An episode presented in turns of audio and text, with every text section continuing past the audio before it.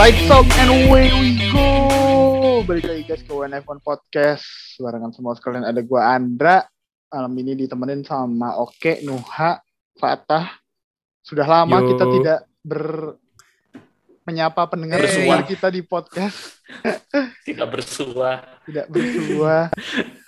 Race-nya libur jadi kita juga take a break. Ada beberapa dari kita punya beberapa Kesibukan kesibukan masing-masing juga lah. di luar uh, podcast. Jadi Wes. things have been hectic but mostly good lah ya teman-teman.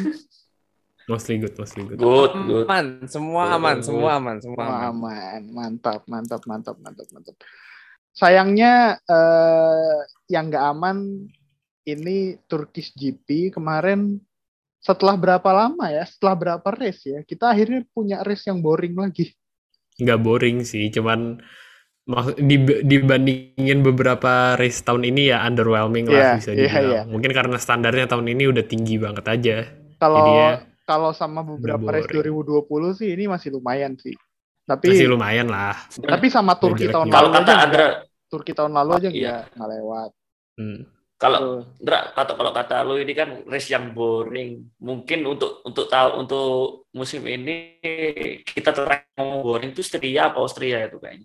Terakhir itu bilang race Hmm. itu Ya. Austria ya. Gue tadi benar, mikirnya, gue tadi mikirnya soalnya ini Portugal. Portugal udah jauh banget itu race Tuh. ketiga tuh. Jauh banget itu padahal. Saking serunya berarti ya tahun ini ya. Saking Iya, serunya tahun ini serunya. mau nyari race boring sampai ke race ketiga anjir. Ah, oh enggak, Spanish, Spanish lumayan. Tahu nggak Lumayan. kenapa boring? Kenapa tuh? Apa itu? Karena yang di Apa depan tuh? Mercedes, makanya boring. Standar lah. Standar. Standar. Udah Standar, ini standar. apa template template template template. Kemarin eh, Hanya kan. ini gue lagi ngelihat jadwal kan, jadwal race 2021 kan. Gue sampai niatnya anjing. Kapan kita ada race boring ya? Dutch Dutch Dutch lumayan, lumayan. masih lumayan seru. Belgia race of the year, race of the century. Iya.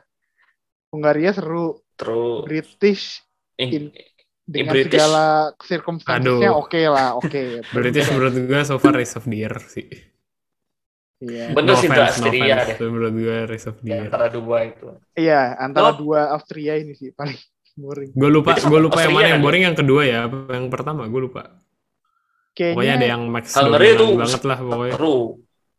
Hungary seru. Hungaria seru. Iya bener. Mana Kalau lu seru mau ya? yang paling Ada yang pemain- paling boring tuh emang Portugal sih. Styrian sama Austrian tuh masih masih salvageable lah. Kalau ada beneran lah ya. boring, beneran boring tuh Masih ada Portugal lah sih. ya. Gokil emang musim ini. Segala Sochi aja bisa masuk ke apa kategori balapan seru gitu. Sochi Tapi- lo, Sochi. Sebelum kita masuk ke Yang kita bahasan kita race, underestimate. sebelum kita masuk ke bahasan race-nya, di minggu ini nih ada take yang harus gua bahas juga kayaknya di sini. Karena kemarin lumayan spark the debate juga di antara kalangan komunitas fans F1. eh sepakat, kira gini dulu deh. Sepakat nggak 23 race per year itu panjang, kepanjangan? Iya, Menurut gua panjangan sih.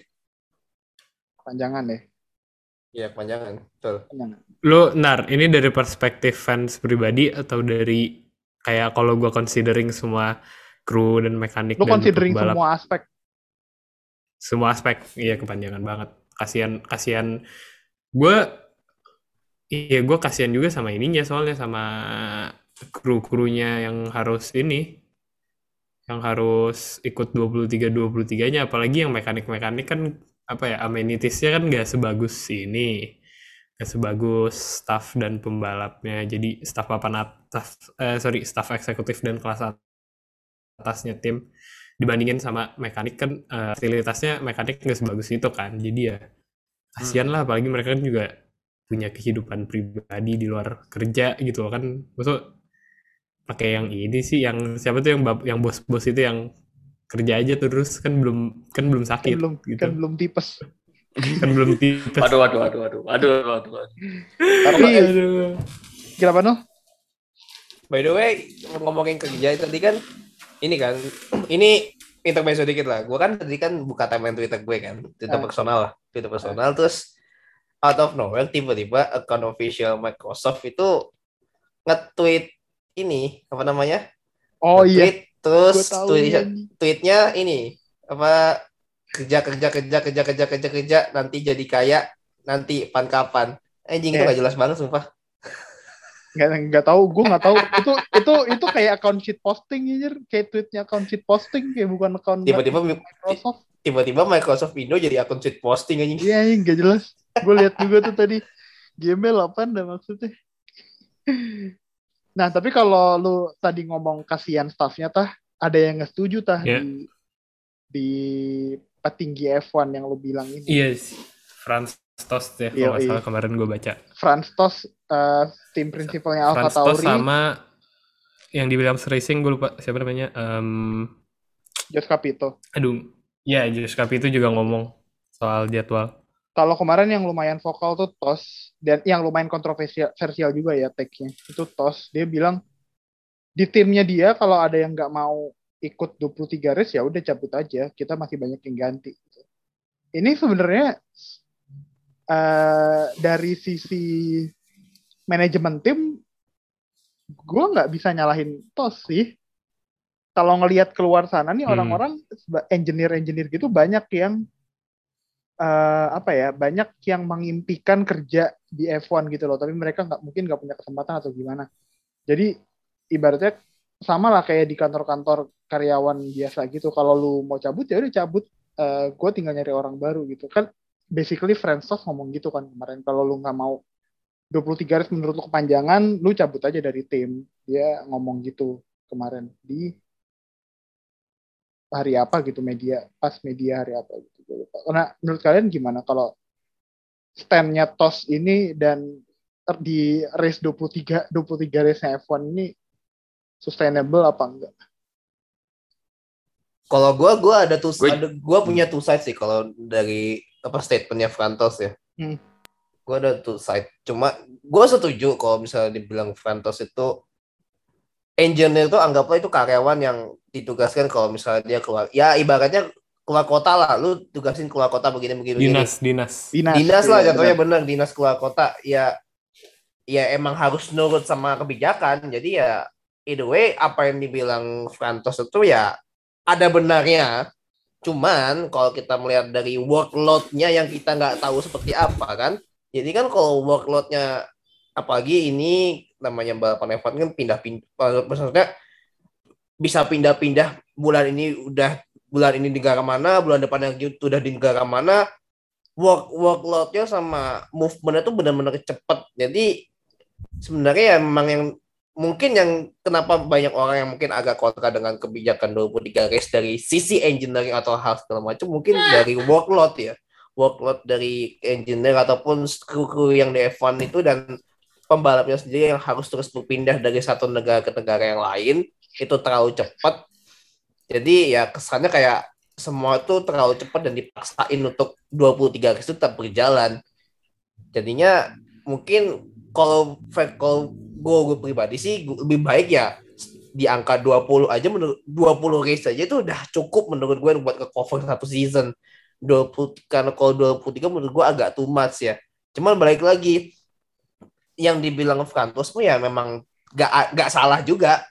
Gue ngerti, gue paham banget maksudnya Frantos tuh sebagai owner, sebagai ya CEO di, CEO di tim lah itu ya make sense juga. Cuman ya balik lagi, ya itu maksudnya keputusan yang tidak bisa fans tidak bisa apa maksudnya fans F1 pun juga tidak bisa tidak bisa mengubah kebijakan itu jadi kan udah tergantung Iya. dari kebijakan box di atas Benar kalau Hmm. kalau gue sih tadi melihatnya yang dikritisi harusnya bukan Franz Tosnya sih, tapi siapa di F1 atau di Liberty Media yang bikin race-nya ada 23. Iya. Karena Betul. ya Tos cuman as a- ya dia cuma mau menjalankan Sebagai bos. timnya dengan baik gitu kan. Iya. Mau nambahin kayak Eh, apalagi kalau oke menurut gue sama sih oke udah bekerja juga kan kalau oke gimana? sama gue belum kerja sih gue nggak tahu tapi menurut gue in my opinion itu bukan sesuatu yang lu lu tidak sepantasnya lu ngomong ke media lah kalau kayak gitu menurut gue ya. Hmm. Em, dan ya baiknya sih itu keep it to yourself dan itu apa ya kesannya lu nggak simpatis ke pegawai lu aja jadinya. Jadi menurut gue itu agak bad leadership I guess. Tapi ya that's not for me to judge lah kalau itu emang kebijakan dia. Dan dan ya emang itu konsekuensi dari kerja di F1 jadi ya menurut gue bukan apa ya ya gue yakin juga mekanik dan engineer di paid accordingly gue harap sih jadi ya udah resikonya kerja di F1 sih kalau menurut gue kasarnya lah Ya kalau gitu kita sih mesti lihatnya jangan dari sisi manajemen, kita harus dari sisi dari sisi pesertanya sendiri sama sisi dari fans. Menurut gua ya balapan kalau pan 20 garis ri- rawan ini sih riskan buat bosenin sih. Tidak baik buat fans. Kalau menurut gua. Oke, itu baik buat peng, buat F1 sendiri karena mereka bakal dapat dapat banyak income. Tapi kalau menurut menurut gua itu kayak bakal peluang besar buat ngebosenin tuh bakal lebih gede gitu loh. Hmm. Karena sesuatu yang ya, ya sesuatu yang apa ya? Sesuatu yang diulang-ulang kan nggak baik lah diulang di di apa diul- dilakukan secara sering gitu kan. Pasti bosen lah. Hmm. Apalagi kita tahu sendiri race-race di Timur Tengah banyak yang boring kan tracknya. dan Iya. pasti dan pasti eh, tim-tim kan juga pasti bakal suntuk Dra.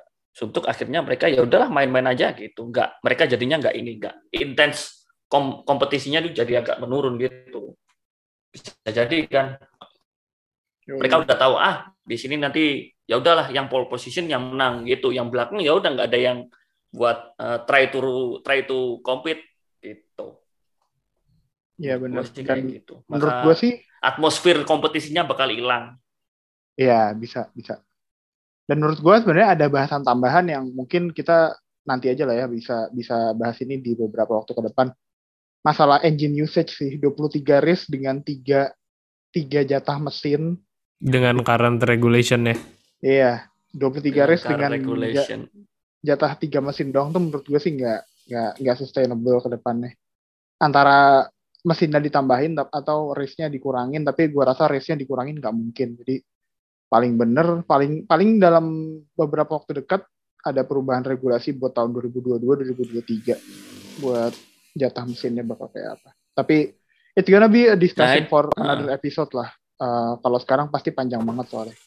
Kita belum bahas race-nya sendiri, kita belum bahas si putih-putih livery baru. Ih, Yoi, yoi ganteng. cakep ya. Itu udah cakep Cakep ya. one of the best, one of the best special livery in this year so far ya. Ganteng emang iya, bener. Ya, ada muncul bapak nih, ada tiba-tiba. Apa nih? Siapa nih baru datang nih? Eh, mengisi bang, numpang masuk ya. Numpang masuk nih bang, ya. Maaf ya. ini ibarat Om kagak pakai ini ibarat kita ini ibarat kita rekamannya di studio itu Fadil tiba-tiba masuk studio kita gitu Iya, ada bunyi gitu, kiet, gitu masuknya kiet gitu. Terus bunyi Tiba-tiba kursi. masuk, tiba- dekat atas masuk, ada mic gitu. terus- Iya, tiba-tiba masuk terus sama assalamualaikum gitu. gitu. Iya, iya. gitu. gitu. Gila, Si Om, maaf, lat Ada si Om masuk ya kan. anjing. Nyampe mana, Om? Nyampe, Nyampe mana, Om? Udah, Nyampe Om. udah, udah mau mulai bahas race ini Om. Tapi Oh, bahas livery mana dulu nih kita. bahasannya ya? Bahas livery dulu kita. Oh, nggak nggak ngopi dulu ngopi anjing. Udah malam ngapain ngopi? Kita kita ngeret kita ngeret bulu pak. Oh, Red Bull yang Ah. putih. Iya. Gua gua nggak Oh, sabar sih pakai liverynya di game sih. Nggak Oh sabar. iya, benar. aduh dapat update ya dapat update ya Oh iya dong, dapat ada. Tapi Yoi, yang gue sayangkan, yang gue sayangkan dari livery ini tuh cuman kayaknya clothing lainnya nggak dijual ya. Merch-merch yang putih. Pentingnya di, dijual cuman cepet habis. Eh, emang ada ya? Ada nih, gue kebetulan lagi buka F1 Ada Store ada ada ada ada ada. dijual. Ada, ada. Kemarin gue sempet buka F1 Store nih kan. Terus, nah iya nih anjir bro. Tapi sebenarnya Oh, gini iya. sih, sebenarnya clothingnya ini ya simpelnya kaos biru yang dipakai sama tim diganti jadi putih. Iya. Cuman ya ya ma, ya ya aja. limited edition gitu loh. namanya ini Ya kan masih sama ada. aja kayak mobilnya kan. iya, sama aja kayak mobilnya sebenarnya kan. Iya. jadi putih, jadi putih bersih gitu. Ya sampingnya ada motif-motif inilah, motif-motif yang bintik-bintik yang lagi yang emang ininya ya.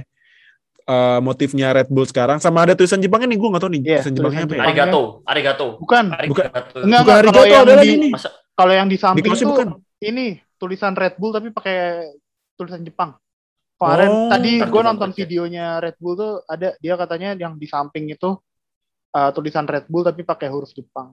Ih, keren anjir.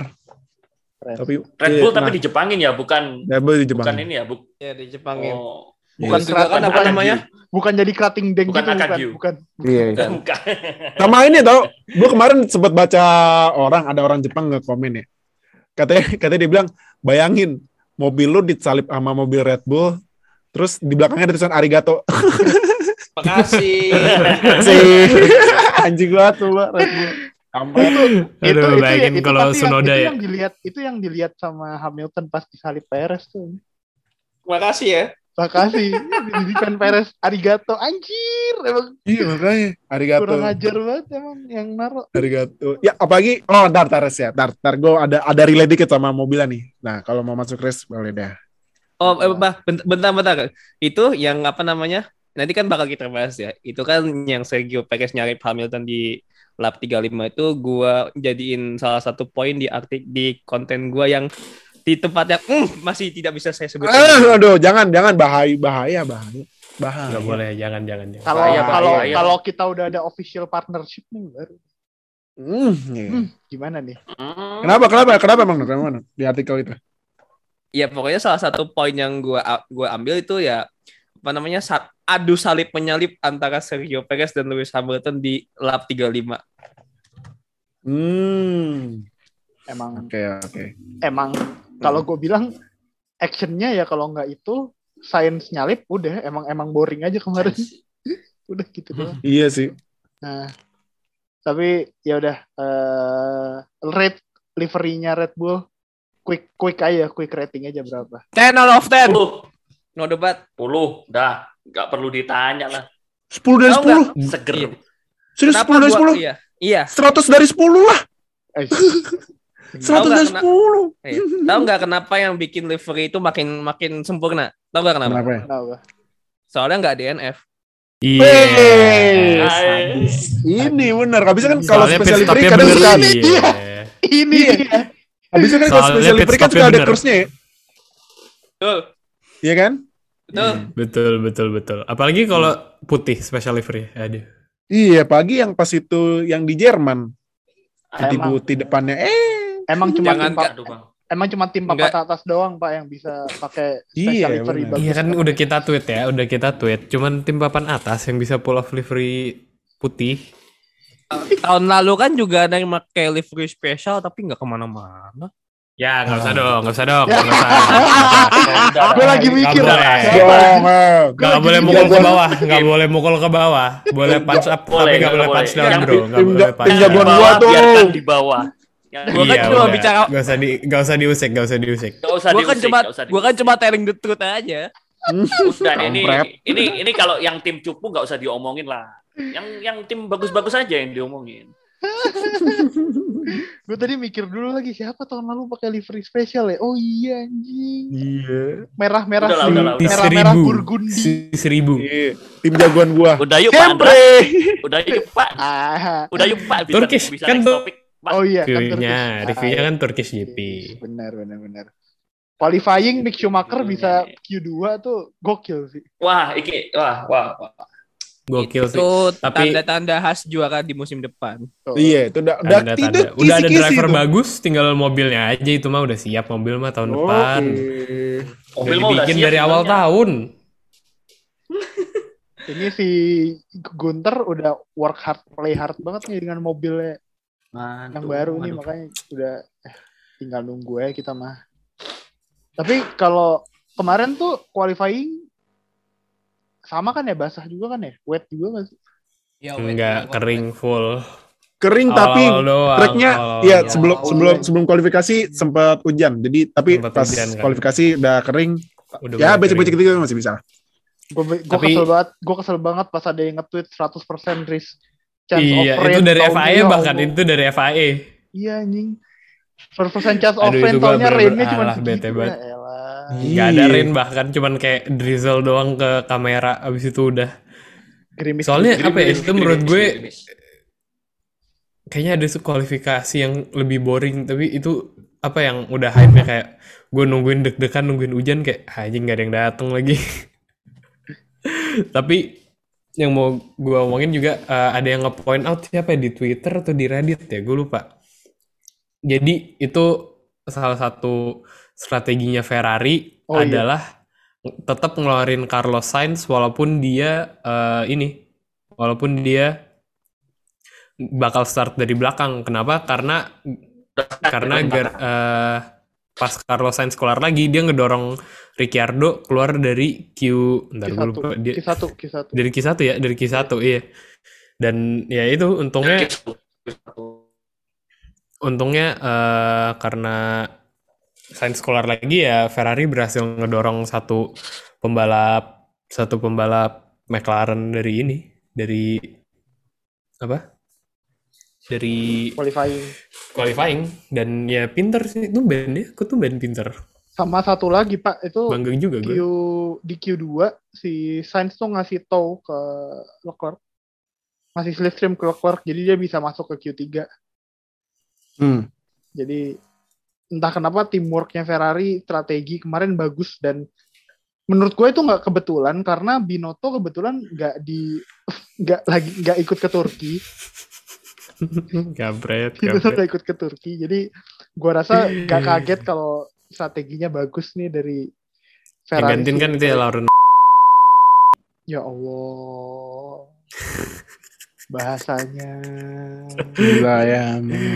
Masih Mekis, Mekis. Lauren Mekis, Lauren Mekis. Suka nih gue nyusahin nyusahin yang edit nih tah kasihan oh ya maaf maaf. maaf. oh disensor ya? harus Gue kira gak disensor. gitu kan Oh ya sorry sorry. Maaf maaf maaf. Gak tau gue kira kayak disensor kita. sorry sorry sorry. Iya maaf. maaf. Tapi- tapi qualifying nggak ada hal yang menarik ya tah Nuh deal Tidak nggak ada. Iya nggak ada. Nggak Nggak ada yang paling oh yang menarik ya Sainz Sainz start di belakang iya itu doang juga gara-gara penalti. penalti iya itu mah. Akhirnya Ricciardo juga di belakang kan gara-gara dia nggak masuk Q2 gara-gara dia nggak lolos Dan Q2 akhirnya dia- ya udahlah ganti mesin aja bongkar bongkar. Iya, Bongkar lah, bongkar Sampai ya ya udahlah bongkar mesinnya lagi. bongkarnya. Hmm. betul betul Bongkarnya mesinnya. Hmm, ini sekalian nyinggung race, tapi eh, sebenarnya masih di qualifying juga. Ini track, kenapa tiba-tiba Mercedes kencang banget ya? Free practice, Ah. qualifying, free practice, qualifying, race, itu Pimpin Mercedes semua ya. kurang kurang ajar sih semua. Semua kurang ajar sih itu. Kalau menurut gue ya, eh, kemarin pas di Portugal kan yang menang ini ya. Portugal Kemarin pas- tuh, Portugal, buset jauh banget Portugal anjing. Nah, Kita hari ada hubungannya, ada Portugal hubungannya dulu, ada hubungannya nih, ada hubungannya. Ntar, gue ada ada yang ada yang gue pas gue nonton gue nggak. Portugal tuh. Hamilton Nah, Portugal kan Hamilton yang menang kan ya. Nah, Hmm. pas di Portugal itu kan lu lihat tracknya kan naik turun naik turun naik turun kan ya kan. Hmm. Yoi, yoi. Kemarin Yoi. kan kemarin kan di Istanbul juga gitu track ya, lumayan naik, lumayan turun. Apalagi kan yang pas di Ares yang kedua tuh yang panjang banget kan rada naik kan terus turun, ya kan? Hmm. Terus yang tikungan yang eh, ada yang yang kanan, eh yang kiri kanan kiri itu, terus pas lurus kan dia eh, turun gitu kan. Nah, kayaknya sih Mercedes emang jagonya di tikungan, eh di track naik turun naik turun nih. Wow. Iya kan? yang elevationnya lumayan naik, lumayan turun gitu, Mercedes jago loh. Bahaya nih, berarti ntar kota, eh enggak ding kota, kota naikin. Kota enggak, kota enggak naik turun. Eh, Naikin kota naik turun. Lumayan Orang sekali. naik turn satunya doang. Turn satu doang sama gitu. turun yang belokan kiri sebelum di Ares kedua. Nah, Iya, iya itu. Ya, Kota sih Tapi- menurut gue kayaknya Mercedes sih menurut kayaknya. ya. ada hubungannya sama mereka baru ganti mesin nggak sih? Soalnya si para, petinggi-petinggi Red Bull termasuk Helmut Marko itu dia curiga gitu sama straight line speed-nya Mercedes kemarin. Eh Nuh, eh ya Nuh lu menurut lu gimana Nuh?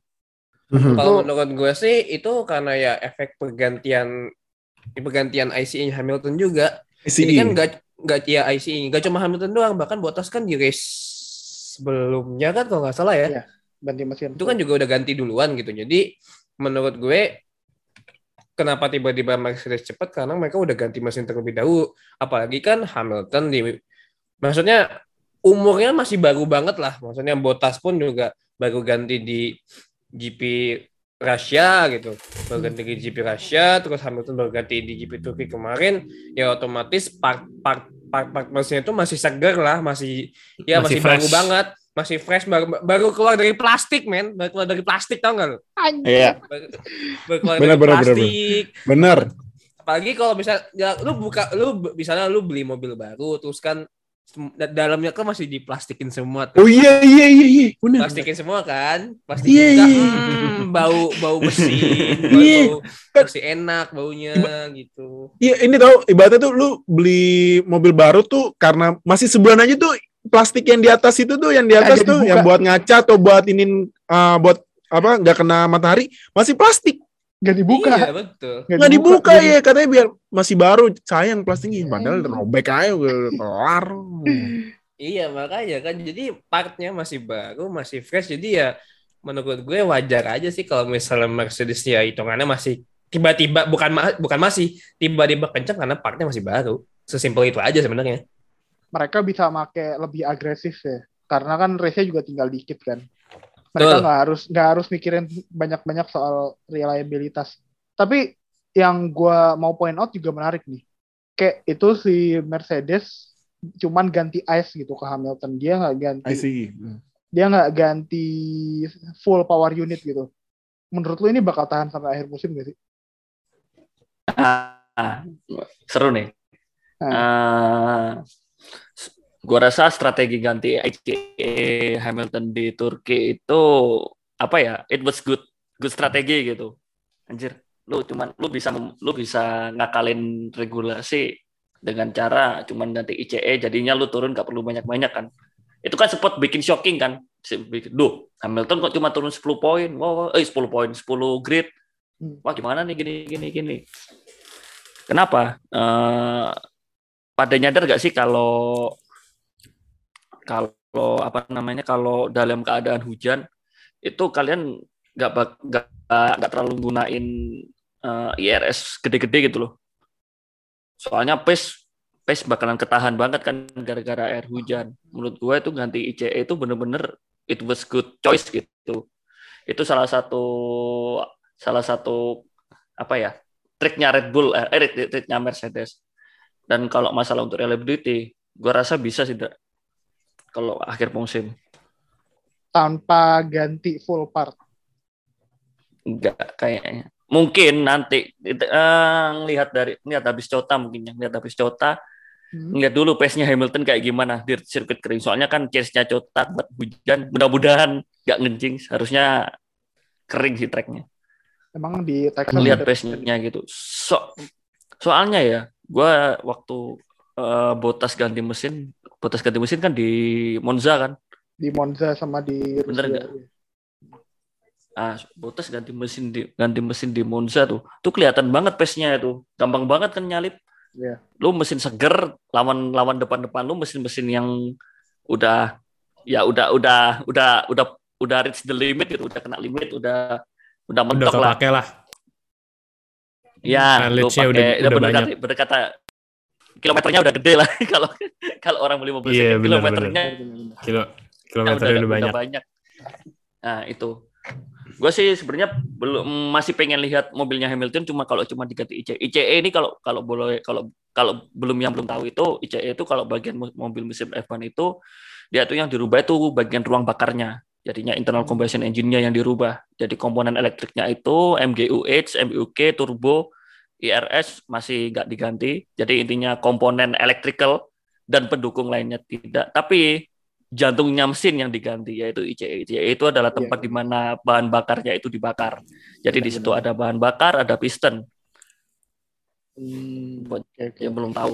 Jadi yang diganti itu sebenarnya bagian ter, bagian vitalnya, Ndra, kalau menurut gua, yaitu ICE-nya Iya, itu pembakaran bensin dan oli di situ semua. Jadi engine. Soalnya kan mobil F1 kan masih pakai bensin aja. soalnya. Masih. Ya, ya. Ya dari serib dari seribu berapa ya horsepowernya? Da- dari seribu horsepower, anggap kata kalau salah seribu seribu horsepowernya mobil Mercedes itu 750-nya itu di ICE, 250-nya Hmm. itu di di MGU. hybridnya. Di yang gitu. lain hybrid nah ya Yes. di hybrid. Hybridnya. Heeh. nice insight. Iya, benar. Makasih kayak. Berapa persen chance-nya dia bakal ada engine failure sampai akhir musim kalau nggak ganti mesin? Hamilton tuh terakhir mechanical failure, seingat gue ya, mechanical failure bukan tabrakan. Itu Austria 2018, itu juga DNF terakhir dia sampai kemarin tabrakan di Itali sama Max. Jadi ya kalau dibilang apa ya? Apakah dia ada kemungkinan engine failure lagi? Kemungkinannya Ada. kecil banget ada, gitu loh. ada tapi kan. Ada, Ada, tapi kecil. banget. Masalah masalahnya gini, cara bawa mobil Hamilton itu bukan yang ngerusak mobil gitu loh, Ndra. Dia bener-bener cara Hmm. ya ya dia nyetir mobil, dia bukan kayak bej- mobilnya dibejek gitu loh. Lu tahu San? Lu tahu kan? Iya, iya. Gimana sih? Baca bawanya halus lah. Jadinya kalau untuk urusan reliability Hamilton lebih tahu lah mobilnya sekarang itu berada di mana gitu. Mobil gue itu di mana sih sekarang levelnya? Itu sih. eh, udah bawanya bagus, terus mesinnya juga reliable banget gitu mesin Mercedesnya. Jadi ya udah saling Ya. apa ya, saling mendukung lah kurang lebih. Dan bisa jadi kemarin keputusan ganti ICE itu juga atas input dari Hamilton. Kita nggak Bisa Kita jadi. nggak pernah Iya, tahu, benar sih. ya we never know. Itu sih yang harus diperhatikan itu. Menarik. Berarti buat eh, lu race mana yang menurut lu bakal jadi vital buat eh, ini titik turning point-nya lu harus merhatiin nih mesinnya Hamilton bakal kayak apa. Cota, Ndra. Cota. Cota sih, gue juga setuju. Gue gue cut. Cota. Gue Karena itu Gua sebenarnya gini. high power sih. Iya, gue sebenarnya pengen Cota. bilang Meksiko, cuman Meksiko. Meksiko juga Meksiko karena straight line-nya lurusannya panjang banget loh itu yang startnya. Iya sih. satu Iya itu, dua eh, air resistance-nya di sana kan kecil. Jadi Kecil, eh, karena udaranya tipis juga karena Mexico City. gampang lebih gampang. elevasinya tinggi banget eh, jadi ya lebih gampang Oh overheating juga iya, itu mesinnya Drag-nya lebih kecil loh. Oh iya. jauh lebih kecil. Makanya ntar kalau ya, Meksiko tinggi Iya, ya, dan dia- lebih pendek Dia di juga. dataran tinggi ya? Dia di dataran tinggi. di dataran tinggi dataran banget tinggi Itu banget iya. gua coba gue cari dulu ya Mexico City di atas permukaan laut gitu. Makanya kalau misalnya kalau menurut gue ya, gue gue sih gue bilangnya di Meksiko sih. Nah, tapi tapi deal. Kota bisa, cuman Meksiko yang menurut gue yang bakal the real Nah. Mercedes engine. sorry Nah, gini, bentar bentar kalau bentar kayak gimana? Eh, Mexico City Gimana? itu elevasinya 2240 meter. Bromo tuh 2329 jadi ya kurang lebih segitu. Sebromo iya cuma beda 8 Oke, meter oke, oke. Eh, berarti di mana? Di Mexico City airnya dingin dong. Nah, iya, oh, iya anjir. Berarti kalau misalnya lagi ke kebelet boker, cebok, buset dah. Dingin. Eh, tapi Berarti Tapi pakai jeep Pak. naik naik pakai jeep tuh ke atas. Iya, pakai jeep ya. Nah. Iya. eh tapi tapi tah bener berarti elevasi elevasi Meksiko City lebih tinggi otomatis bikin mesin gak cepet panas. Tapi masalahnya Bukan, kita bukan. tahu sendiri adalah konsep dari ICE. Hmm. Loh, gini. Lebih gampang panas dari justru ICE. kayak Apa? lebih gampang panas Sorry, justru bukan. karena angin yang masuk dikit Iya Makanya- sih, nggak ada oh, iya. ada coolingnya dari alami ya, alami. dari cooling alaminya Nah, nggak ada Bentar, Dan- bentar. dan Tapi ini- di, dan- di- Eh, lanjut dulu lanjut dulu Ah, bentar bentar Lanjut, satu satu. lanjut, satu satu satu. Nah, oke duluan, Kek duluan, Kek. Iya, Iya, dulu. iya. Nah, nah, konsep dasar pembakaran mesin adalah udara, bahan bakar, udara dan bahan bakar kan harus ada air air to fuel ratio. Nah, itu itu bakalan agak susah sih nanti. Nyetingnya bakalan beda, beda beda banget lah settingannya. Gua gua baru ingat kalau udaranya tipis. Jadinya kan eh, mobil bisa bahan bakar bisa kebakar gara-gara dia ada oksigen, bener kan? bahan Ya, bakar betul. bisa kebakar gara-gara oksigen. Jadi kalau kadar oksigen semakin tipis, maka bahan bakar tidak bakal terbakar se- se- secara optimal.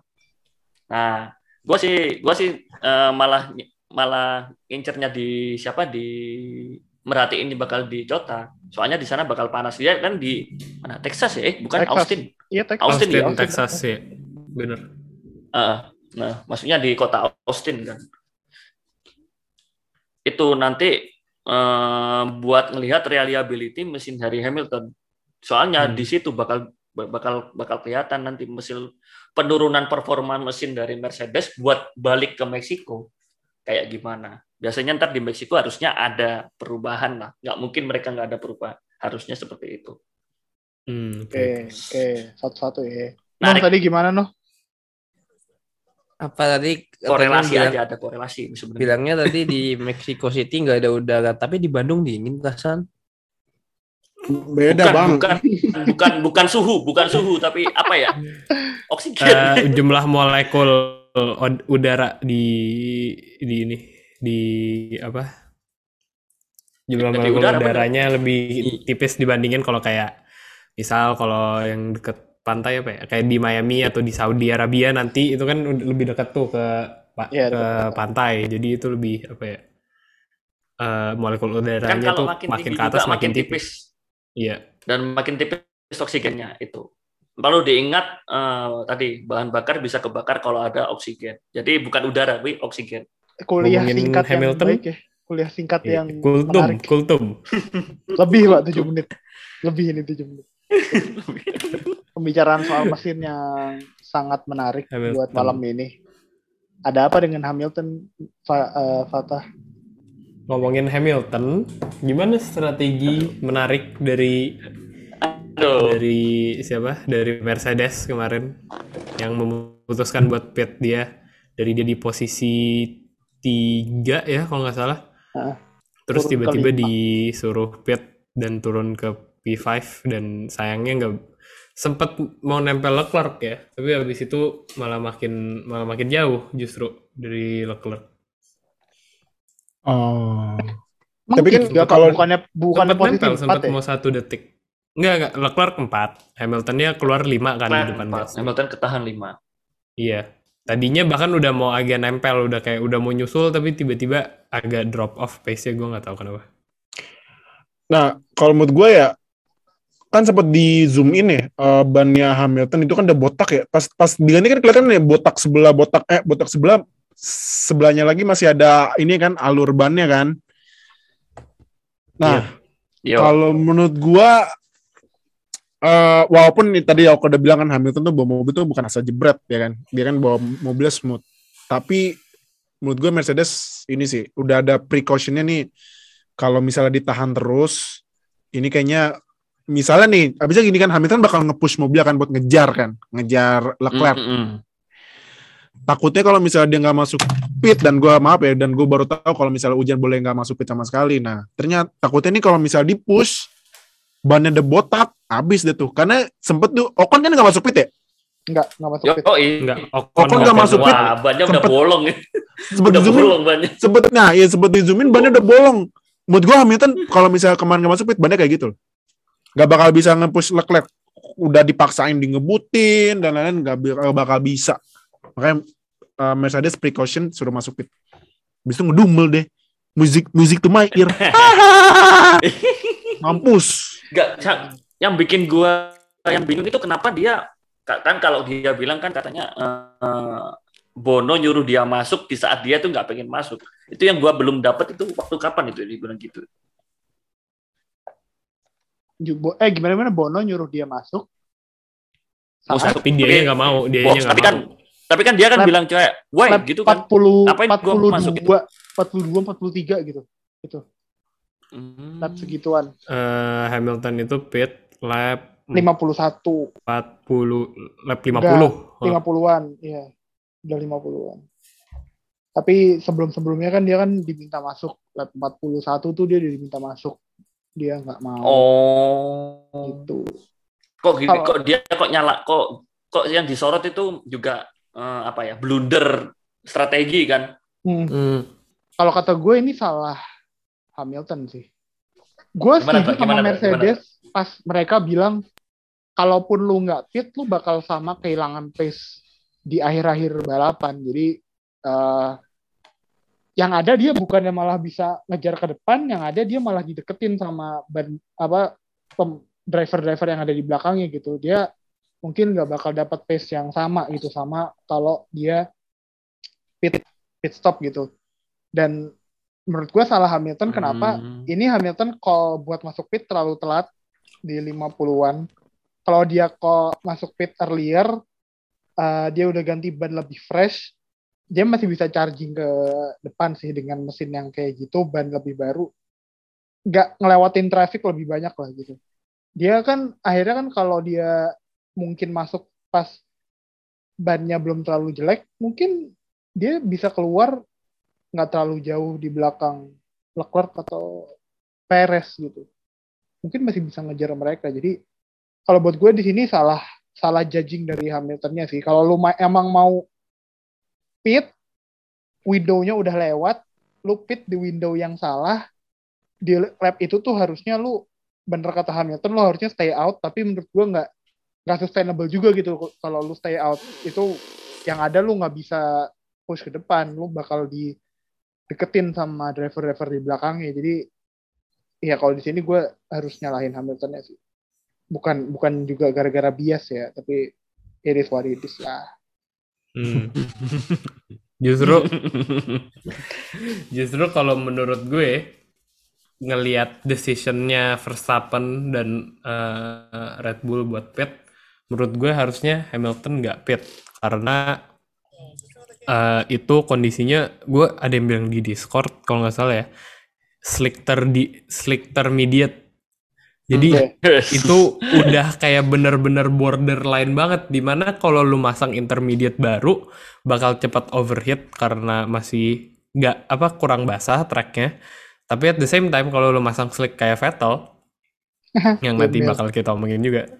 Eh, itu masih terlalu basah gitu loh. Jadi yang paling pas sebenarnya adalah ban intermediate yang udah bener-bener aus banget kayak punya Hamilton sama Ocon. Walaupun granted Ocon sempat agak turun ya. Seingat gue dia sempat di P9 P8 sebelum disusul Sainz sama Stroll dan akhirnya di P10 which masih poin. Tapi Ocon bawa Alpine gitu loh sedangkan Hamilton bawa Mercedes. Dan menurut gue justru dengan kondisi di mana bannya Hamilton udah bener-bener aus sampai kondisinya slick intermediate itu tadi jadi harusnya bisa lebih eh, pas gitu loh bannya sama kondisi itu. Walaupun bener-bener ya udah aus tapi ya udah apa ya udah terlalu inilah kurang kayak bener-bener borderline lah. Kayak slick kurang intermediate juga kurang gitu. Itu pembalap lu sendiri pakai slick intermediate itu loh. Nggak nggak pay off loh. Iya tapi ini Hamilton bawa Mercedes gitu loh. Eh tapi maksud gue ini ini ini posisinya hujan. Dan menurut gue uh, skill hampir semua driver tuh rata gitu loh kalau emang dia lagi hujan. Dan jadi mungkin iya nggak bakal lost position banyak. Tapi menurut gue bisa lost satu position sih kalau kata gue Iya tapi at least dia bisa finish di P4 mungkin instead of P5 yang lumayan banget gitu loh. Dua, dua poin kan lumayan gitu loh. In the grand scheme of things. Jadi Iya. harusnya sih bisa bisa P bisa P4 kalau dia nggak pit. Dan Iya, bakal nunjukin masterclass aja sih. Dan dia juga bilang kan, Ocon aja bisa bawa sampai lap. Ini songong banget sih ngomongnya dia, tapi ya oke lah. ya kan lu Ocon aja bukan bisa Ocon bawa Hmm, dia bilang Ocon aja bisa bawa sampai habis masa gue nggak bisa? Gitu ya kan. nggak bisa Tapi kan lu bukan Ocon ada ada di posisi mana lu bisa ngomong lu bisa sebagus Ocon Geblek.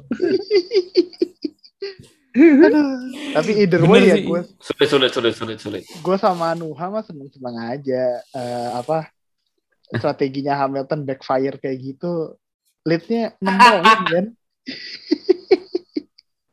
leadnya jadi 6 Hmm. poin dan menurut gue key moment kemarin itu ya ada dua sih key momennya Eh, pas start awal periode awal race eh, mobil Red Bull Family yang pertama yang jadi korbannya Hamilton eh, Sunoda itu dia bisa nahan Sunoda eh Sunoda bisa nahan Hamilton ngeliatin Arigato di depannya itu 6 8 lap.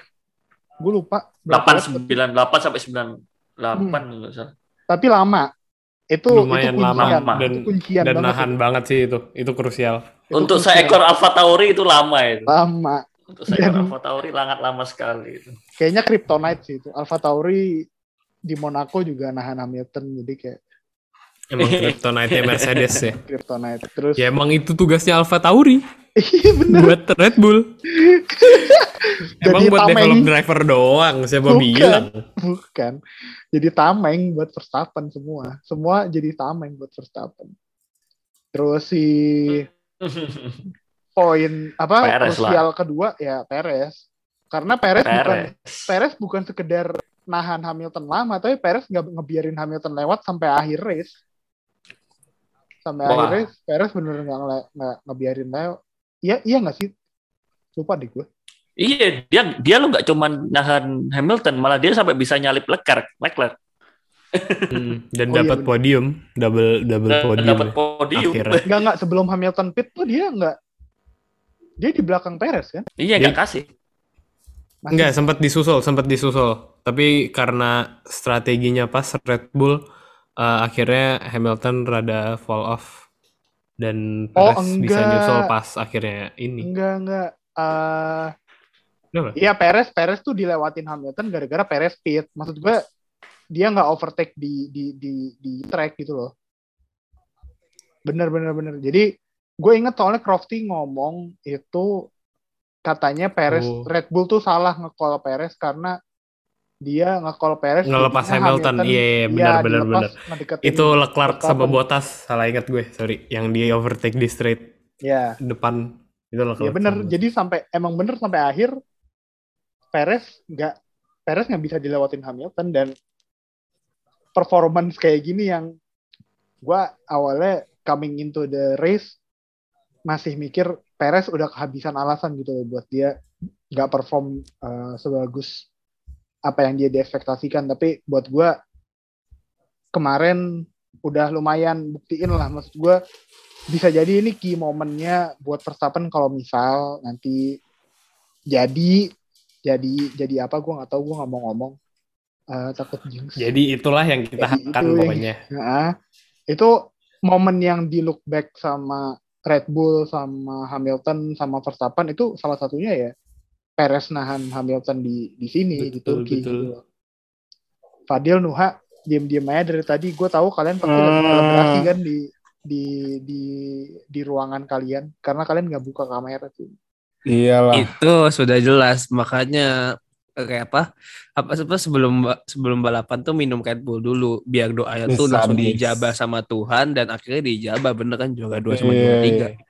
Udah minum Red Bull ditambah sama ya itulah. Ada Iya. pokoknya salah satu spons salah satu yang mensponsori. Nah, gue udah bilang gitu aja. Sponsorin Oh, mobil ini aja, F1. Pak. Nikotin patch. Eh, nikotin patch. Nah, ya ketahuan tuh mah kalau yang Gak ditambah. apa-apa. Lu gak apa-apa. ya. Gak apa-apa.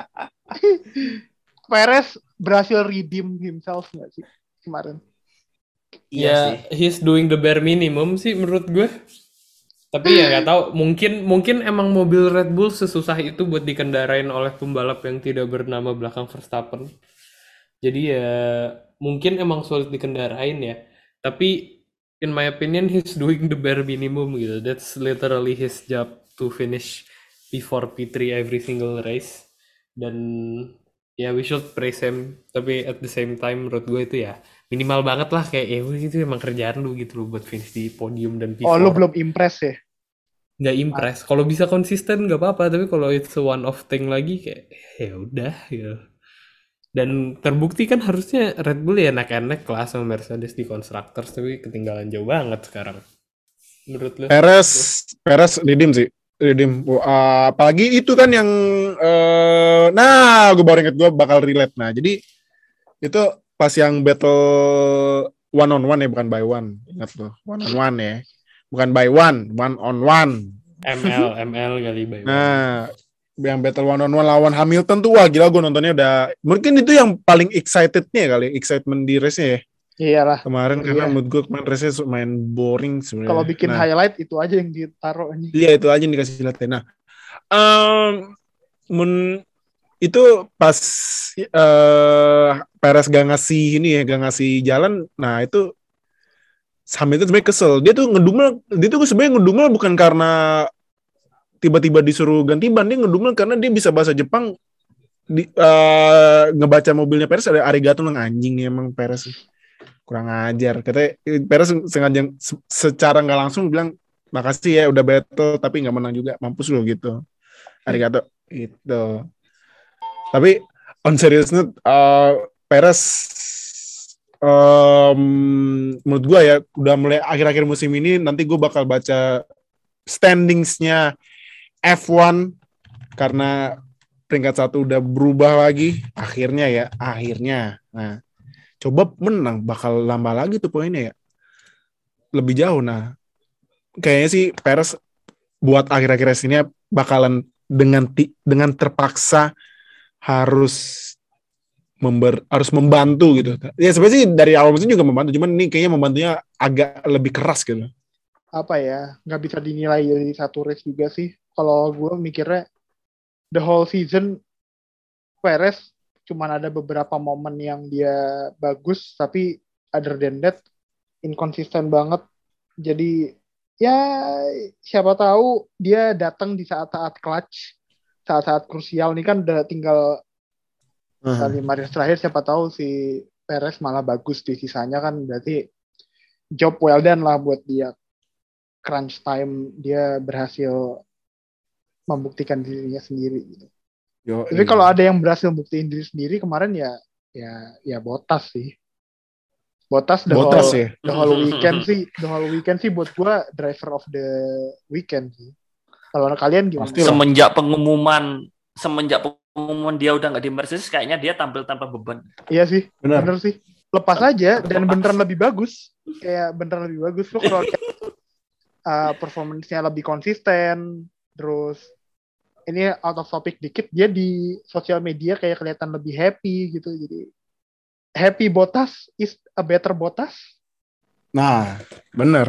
Tapi nggak tahu di Alfa Romeo nanti. Nah, kita lihat nih apakah Happy Bottas bakal kasih hasil bagus buat Alfa Romeo apa enggak kita lihat aja. Kan mobilnya kan pasti langsung ya kan pasti ya Bottas bakal kena kayak Vettel musim ini kan langsung ya ya papan atas gak bakalan dapet mainnya di tengah-tengah mulu atau ya mungkin paling bawah kecuali kalau Alfa Romeo buat mobil 2022-nya berubah drastis ya. itu Hmm. bagus itu bagus banget jadi Itu enggak sebenarnya ya titik baliknya Botas sebenarnya pas dia diumumin udah gak sama udah pas diumumin ke Iya. Alfa Romeo itu udah di Itali kan. kayak dia melepas beban berat gitu. Iya. iya. Kelihatan Bener-bener. baru lah bahagia. Iya, lebih lebih lebih lebih plong gitu. Mau disuruh tim aja juga ya, bodo amat gue udah keluar, Hmm. ya kan?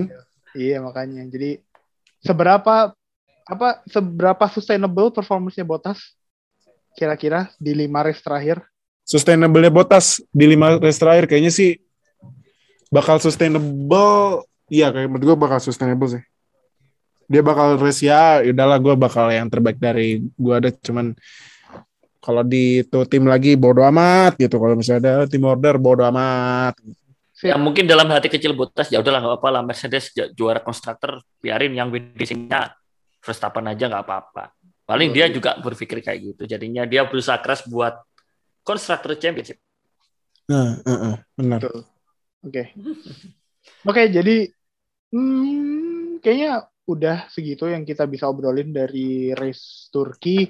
Nah, ini saat paling menyenangkan buat duo favorit UNF1 Fadil sama Nuha buat membacakan kons apa klasi klasemen.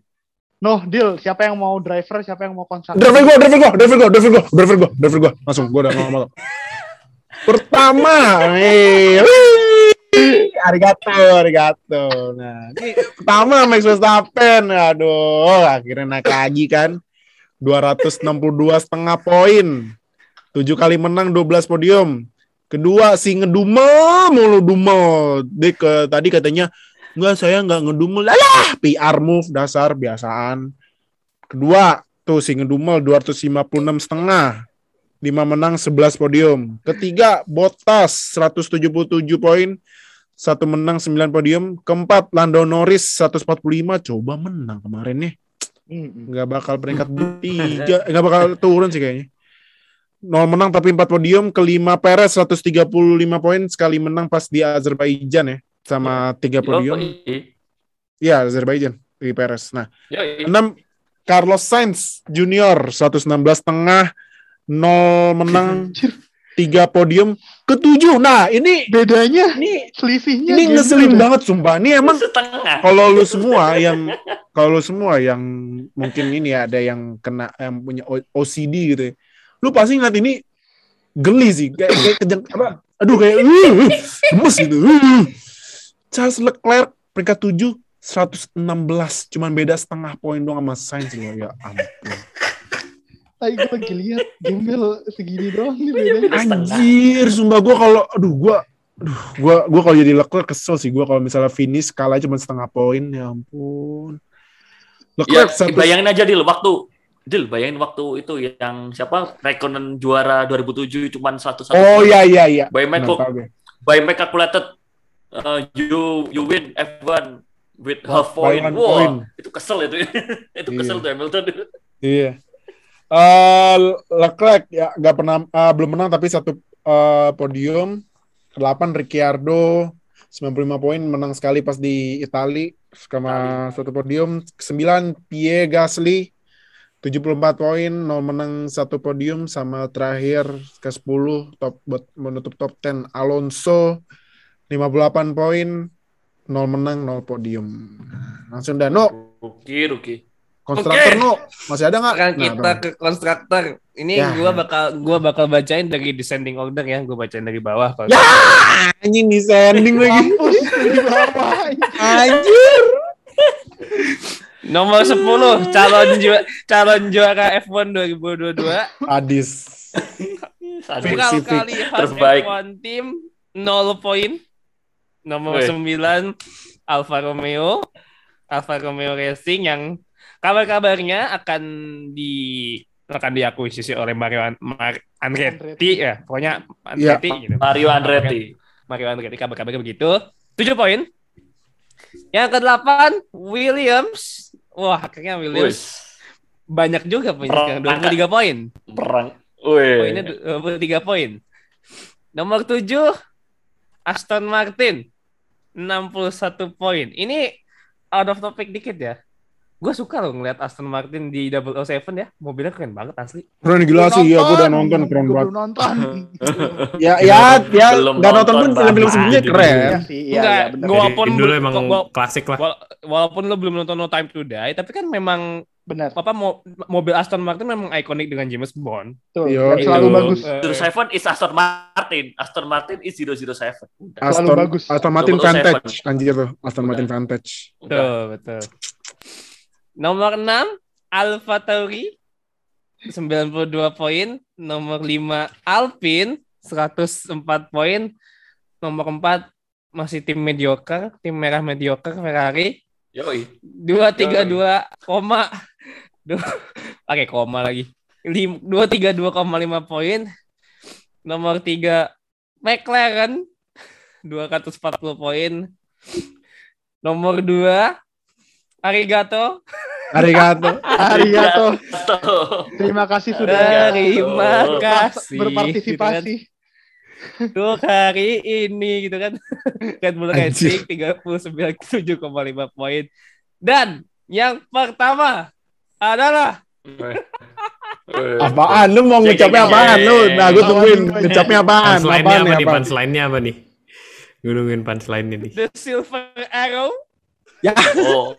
keren gue ada apaan? Gue keren gue tim tempat Hamilton ngedumel. Nggak ada sih. Mau, mau apa Bono lagi CS. Evan? Bono CS. Bono CS. Bono CS. ya pokoknya gitulah 433,5 poin. Ya dengan selisih ya kurang lebih sekitar 20-an lebih lah. Itu. Dah, cukup. Oke, thank you tim tim klasemen. Gue resmikan ya tim klasemen setiap podcast karena sangat sangat berekspresif ya dalam Sangat menghibur. menghibur Iyalah. Menghibur. Dalam Sangat menghibur. Lagi sih ngedumel. Eh, mulu. Uh, and on that note, uh, thank you guys yang udah dengerin review uh, Turkish GP. Uh, jangan lupa buat follow sosial media kita di Twitter, Instagram, TikTok, at Official semuanya sama handle-nya. Jangan lupa join Discord kita di Discord di WNF Official ada di link pin tweet kita paling pertama. Jadi Twitter kita paling atas tuh ada link Discord. Eh next di Amerika ya oh iya apa Di Amerika, di Amerika jam, genderuwo 2. ya. Jam dua. Di Amerika jam 2, di Meksiko, di Brazil jam 12. Ya Bagus, Allah jam genderuwo ya. bagus, Hmm. bagus. Kan sudah terbiasa terlatih kan at- apa Oh ya nonton olahraga sebelah ya. olahraga sebelah sudah Yoi. terlatih nonton. Oh iya, udah, udah, ada alasan buat nggak nonton. Oh iya no, no. Eh, thank you Tata, Nuha, oke, Fadil Yo. sudah join. Thank you buat dengerin. And we'll see you guys in our next episode. Bye guys. Bye. Salam jikra.